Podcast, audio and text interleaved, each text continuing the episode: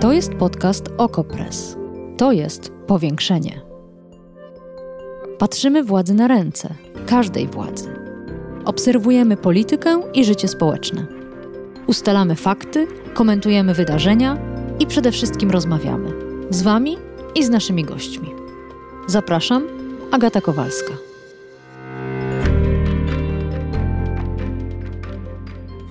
Sobotę do moich drzwi zapukał jakiś mężczyzna. Nie był listonoszem ani kurierem, ale wręczył mi przesyłkę.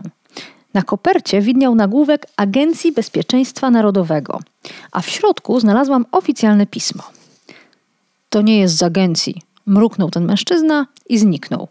A list brzmiał tak. Informacja o poddaniu kontroli operacyjnej zgodnie z artykułem 8 ust. 2 punkt 3 ustawy z 1 kwietnia 2019 o Komisji Kontroli Służb Specjalnych informujemy, że Agencja Bezpieczeństwa Narodowego, działając na podstawie postanowienia Sądu Wojewódzkiego, tu sygnatura, prowadziła wobec Agaty Kowalskiej jako osoby podejrzewanej o przestępstwo oszustwa kontrolę operacyjną. Informujemy, że postępowanie w tej sprawie zostało umorzone.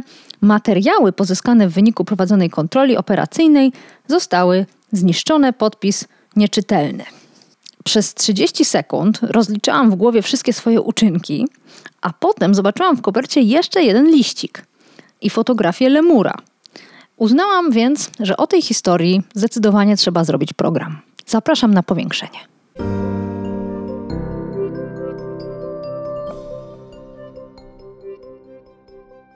A gościem powiększenia jest Wojciech Klicki z Fundacji Panoptykon. Dzień dobry.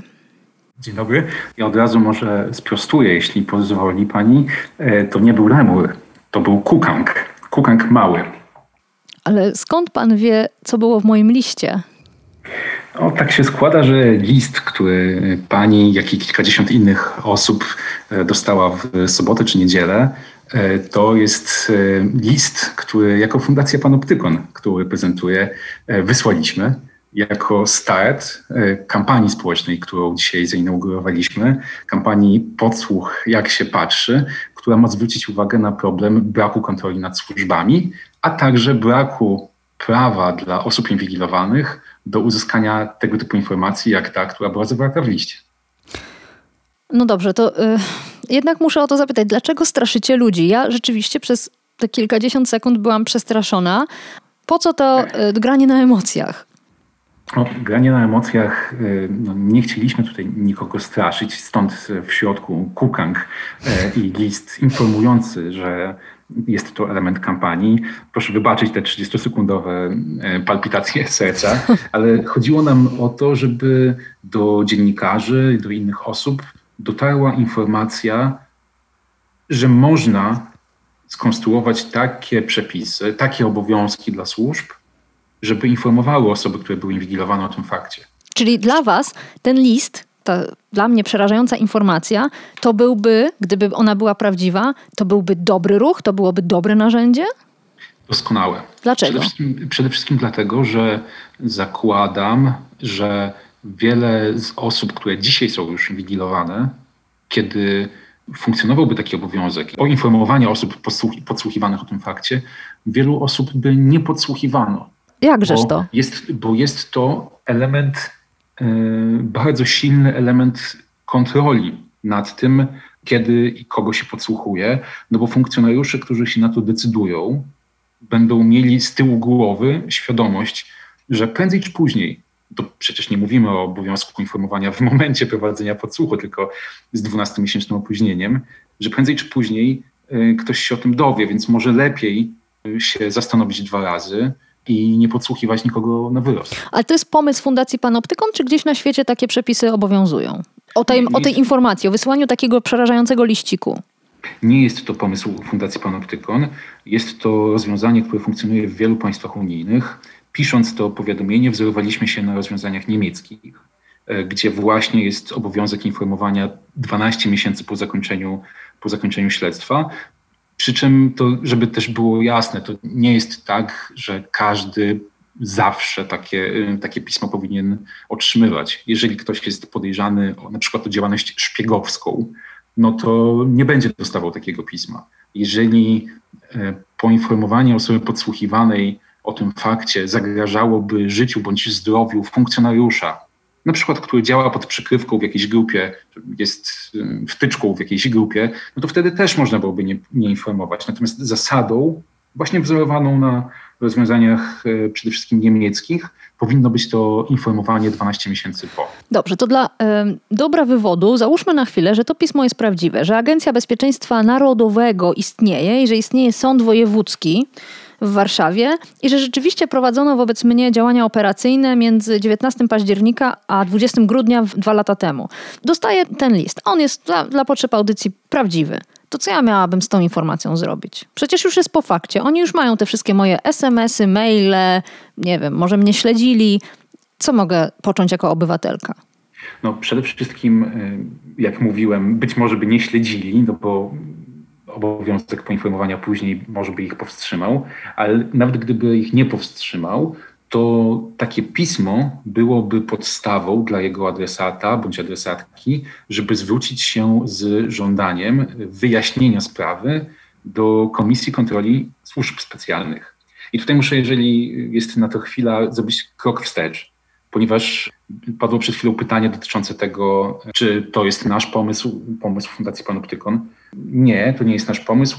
Jest taki dokument, który nazywa się Jak osiodłać Pegaza, który powstał przy Rzeczniku Praw Obywatelskich tak. w bardzo takim unikalnym gronie, łączącym z jednej strony obrońców praw człowieka, a z drugiej strony osoby, które pracowały w służbach i znają tą rzeczywistość. I wnioski końcowe są takie, żeby powołać instytucję, która się będzie zajmowała kontrolą służb specjalnych i do której osoba podsłuchiwana mogłaby się E, zgłosić ze skargą. Czyli ta komisja kontroli służb specjalnych e, to nie jest Sejmowa Komisja Służb Specjalnych, z którą mamy na co dzień do czynienia, w skrócie nazywana speckomisją. To jest jakiś, jakiś zupełnie nowy organ, który rozumiem też jest waszym postulatem i Rzecznika tak. Praw Obywatelskich. Tak, jest to postulat Rzecznika nasz i wszystkich ekspertów e, skupionych w tym ciele. I co, jakby, na czym by to polegało? Ja, ja oto Agata Kowalska dostaję pismo, że mnie śledzono, jestem oburzona, wściekła i wtedy robię co? Wysyłam jakieś pismo, skargę do tej komisji?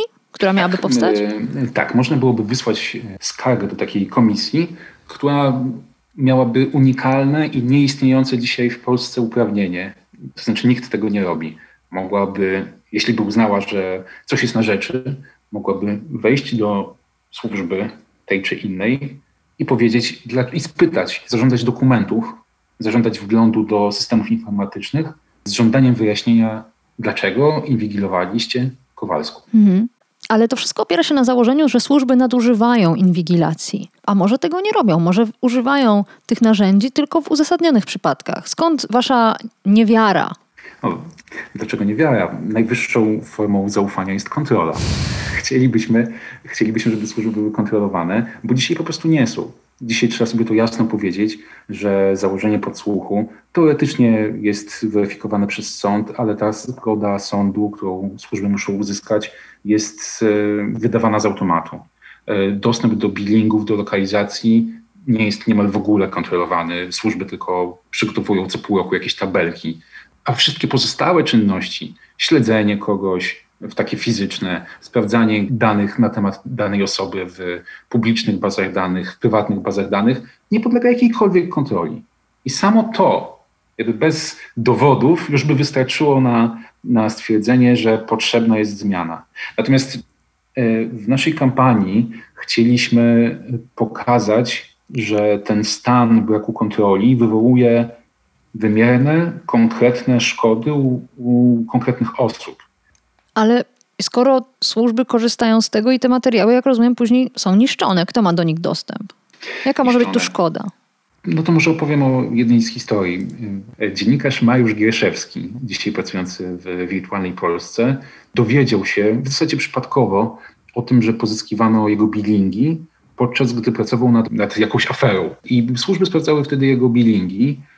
Dla niego ma to bardzo konkretny efekt. Efekt w postaci tego, że kiedy służby wiedzą, jakim tematem on się zajmuje, to mogą się wcześniej przygotować. Kiedy dzwoni do rzecznika prasowego z prośbą o komentarz, to rzecznik już ma przygotowaną wypowiedź.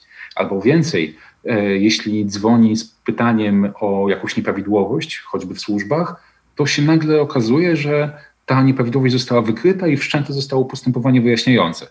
Przy czym tu nie chodzi wyłącznie o to, że jest konkretny dziennikarz i jego prywatność e, i praca zawodowa spotkała się z jakimiś e, problemami, ale też o to, że on, jego źródła podlegają, czy powinny podlegać ochronie ze względu na interes nas wszystkich. Mhm. Natomiast dziennikarz to jest osoba, z którą być może przeciętnemu słuchaczowi i słuchaczce trudniej się zidentyfikować. No właśnie. Ale e, inną historią jest rozmowa z Eweliną Krycią jest to aktywistka, która pracuje w Greenpeace. Ewelina opowiada na tym filmie o historii, jaka jej się przydarzyła w 2018 roku, podczas szczytu klimatycznego. Ewelina pracowała wtedy na, w takim centrum konferencyjnym w Katowicach, takim alternatywnym szczycie klimatycznym, gdzie wyświetlano filmy, organizowano różne dyskusje. I przez dwa tygodnie, podczas gdy Ewelina tam była, cały czas chodził za nią jeden albo nawet dwóch policjantów, którzy nie odstępowali jej na krok. I kiedy pytaliśmy Ewelinę na tym o to, w jaki sposób to wpłynęło na nią, to powiedziała, że, że jakby całą gamę reakcji y, wywołało, począwszy od jakiegoś śmiechu, rozbawienia, że ktoś za nią chodzi, a skończywszy na złości i takiej wręcz wściekłości na to, że przecież ona nie robi nic nielegalnego, i jakby dlaczego ktoś y, ciągle za nią chodzi. E, I tam jeszcze było więcej tych historii. Policja e, zainstalowała na przykład pod e, samochodem fundacji nadajnik GPS, mhm. po to, żeby cały czas wiedzieć, gdzie, gdzie ten samochód się znajduje. Ale zaraz, bo Greenpeace akurat i to otwarcie organizuje akcje niezgodne z prawem. Później poddają się karom, wręczane są im mandaty, sądy nakładają innego rodzaju grzywny. Rzeczywiście jest tak, że oni wdrapują się na różne kominy, na różne sprzęty budowlane, blokują przeróżnego rodzaju inwestycje, e, więc może to jest uzasadnione, że w tym przypadku e, służby postanowiły ich śledzić i wyprzedzić, ewentualnie zapobiec którejś z tych, któremuś z tych wykroczeń czy przestępstw. Rozumiem. Myślę, że to jest tak, że każdy, każde naruszenie prawa y, powinno się spotkać z adekwatną odpowiedzią. I nie przez przypadek jest tak, że w naszych przepisach, że najbardziej, im bardziej jakby inwazyjne środki ingerencji w prywatność, tym jakby węższa lista mm, przestępstw, o których, y, w sprawie których mogą być inwigilowane te osoby. Nawet jeżeli organizacja ekologiczna y, naruszy mir domowy jakiejś firmy, na przykład, to nie sądzę, żeby adekwatną odpowiedzią na tego typu działania albo zagrożenie, że ktoś podejmie tego typu działania, byłoby śledzenie kilkudziesięciu y, aktywistów i aktywistek przez dwóch, trzech czy pięciu, y, pięciu funkcjonariuszy. Chciałabym jeszcze raz wrócić do tego pytania o to, dlaczego straszycie ludzi, bo o inwigilacji, braku kontroli nad służbami, panoptykon mówi od lat. I właściwie mało kto się tym interesuje. Być może jest tak, że jako społeczeństwo uznajemy prawo służb do naruszania naszej prywatności, w zamian oczekując skuteczności w przeciwdziałaniu i karaniu y, przestępców. Być może takie pojęcie, którym zresztą posługujecie się na stronie, naruszenie prywatności przez służby, w Polsce w ogóle nie istnieje. Czyli my tę prywatność scedowaliśmy, uznaliśmy, że to jest w porządku. Mówię to nie na podstawie swoich wyobrażeń, tylko mieliśmy różne ekipy u władzy przez y, ostatnie lata. Mieliśmy polityków, którzy byli śledzeni, mieliśmy dziennikarzy, którzy byli śledzeni, y, aktywistów właśnie, czyli głośne sprawy, a mimo to w prawie nic się nie zmienia. Więc nie wydaje się, żeby był wielki nacisk na to, żeby była jakaś społeczna zgoda, że ta sytuacja jest niepoprawna i wymaga E, zmiany. Mam wrażenie, że przez lata dyskusja wokół inwigilacji, także z naszym aktywnym udziałem, e, uciekała czy unikała odwoływania się do problemów i do e, konsekwencji, jakie mogą się wiązać z inwigilacją, dla konkretnych osób najlepiej nie z pierwszych stron gazet. Rozmawialiśmy przez lata o nowych uprawnieniach służb, o ustawie inwigilacyjnej, ustawie antyterrorystycznej e, i tak. Natomiast nie rozmawialiśmy o tym, że większości ludzi to nie interesuje, dlatego że nie mają nic do ukrycia, a przynajmniej tak myślą. Tak. Myślą, że nie mają nic do ukrycia, myślą, że to ich nie dotyczy. Staramy się w tej kampanii pokazywać, że to jest nieprawda, że to mnie nie dotyczy.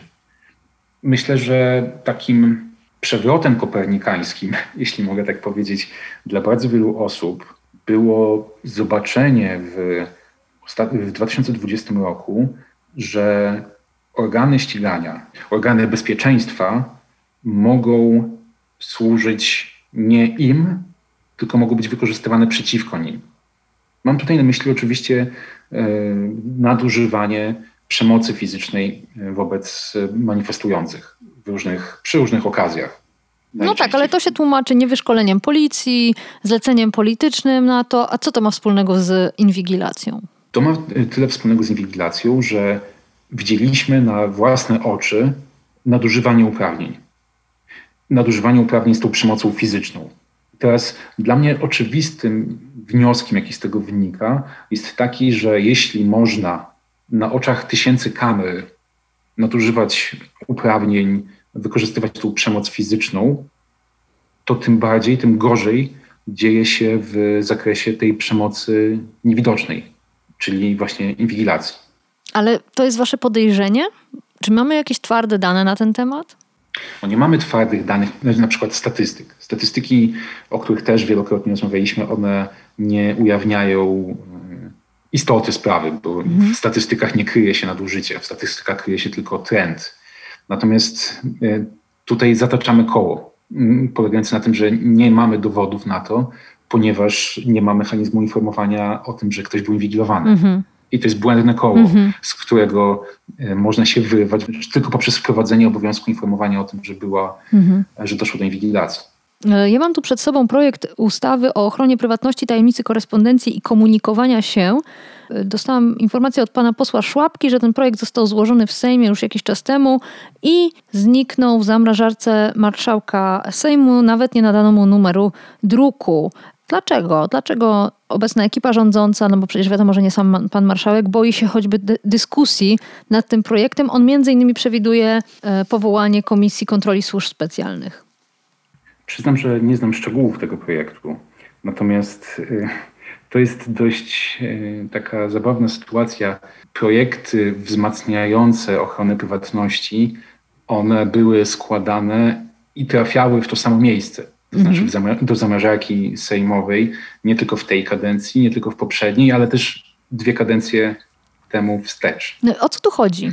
Dlaczego akurat ta sprawa nie może, bo przecież może zostać odrzucony ten projekt, ale dlaczego nawet dyskusja nie może się odbyć? Tu chodzi o to, że o perspektywę. To znaczy mhm. ci, którzy rządzą i naprawdę tutaj podkreślam właśnie tą mm, symetrię sytuacji przed 2015 rokiem i dzisiaj, ci, którzy rządzą, jakby nie mają interesu politycznego w tym, e, żeby sytuację zmieniać i po prostu wolą e, zarządzać niekontrolowanymi, niekontrolowanymi służbami. No a opozycja tę sytuację chce zmienić. Przy czym wydaje mi się, że to jest o tyle, znaczy te, te, tej debaty nawet nie ma, dlatego że ten temat Y, braku kontroli nad służbami, czy temat inwigilacji, on nie jest na liście najważniejszych trzech czy pięciu tematów, których y, chociażby dzisiejsza opozycja, y, które dzisiejsza opozycja by jakoś podkreślała. Proszę zwrócić uwagę, że jeśli opozycja dzisiaj mówi o tym, że co trzeba zmienić, żeby zakończyć kryzys konstytucyjny, no to się mówi o sądownictwie, o Krajowej Radzie Sądownictwa, czasem o wolnych mediach, natomiast temat e, braku kontroli nad służbami w tym gronie e, się nie pojawia, podczas gdy moim zdaniem powinien. No tak. To znaczy, to jest taki temat, którego ranga powinna być jak najbardziej podbita, bo niekontrolowane służby są szkodliwe bez względu na to, kto, kto nimi zarządza, ale są szkodliwe i dla ludzi, którzy mogą być inwigilowani, i dla chociażby procesów demokratycznych. Hmm. Ale rzeczywiście temat się trudno przebija w mediach, e, nie jesteśmy w stanie tym zainteresować e, odbiorców. E, Fundacja Panoptykon też, mam wrażenie, sięgnęła po tak radykalny środek, jak przesłanie tych zmyślonych listów, tych zmyślonych pism, bo zwykłe nawoływanie było no, nieskuteczne. Tak, oczywiście, to prawda. No i to jest, tak jak mówiłem, element jakiejś większej kampanii, w której chcemy chcemy pokazywać intensywnie, jak powinna wyglądać rzeczywistość, jak mogłaby wyglądać, jakie są straty związane z dzisiejszą sytuacją. No i po kilku godzinach od czasu opublikowania tego listu mam wrażenie, że, czy mam nadzieję, że problem związany z, z niekontrolowanymi służbami jednak udało się trochę nagłośnić mhm. i mam nadzieję, że ta dyskusja pójdzie w merytorycznym kierunku, to znaczy w kierunku tego, czy, jeżeli tak, to jakie rozwiązania możemy wprowadzić, zamiast e, rytualnego e, oblewania się jakimś e, hejtem związanym z tym, kto taki list opublikował i dlaczego. Hmm. Wojciech Klicki z Fundacji Panoptykon, która to rozesłała listy od Agencji Bezpieczeństwa Narodowego. Oczywiście taka agencja w Polsce nie istnieje. Bardzo dziękuję za to spotkanie. Dziękuję. Powiększenie. Podcast Okopres. Prowadzenie Agata Kowalska. Podcast znajdziesz na stronie Okopres i w Twojej ulubionej aplikacji do podcastów. Redakcja Okopres działa od 2016 roku. Jesteśmy obywatelskim narzędziem kontroli władzy, obecnej i każdej następnej. Okopres utrzymuje się z Waszych darowizn. Wesprzyj nas, byśmy mogli działać dalej.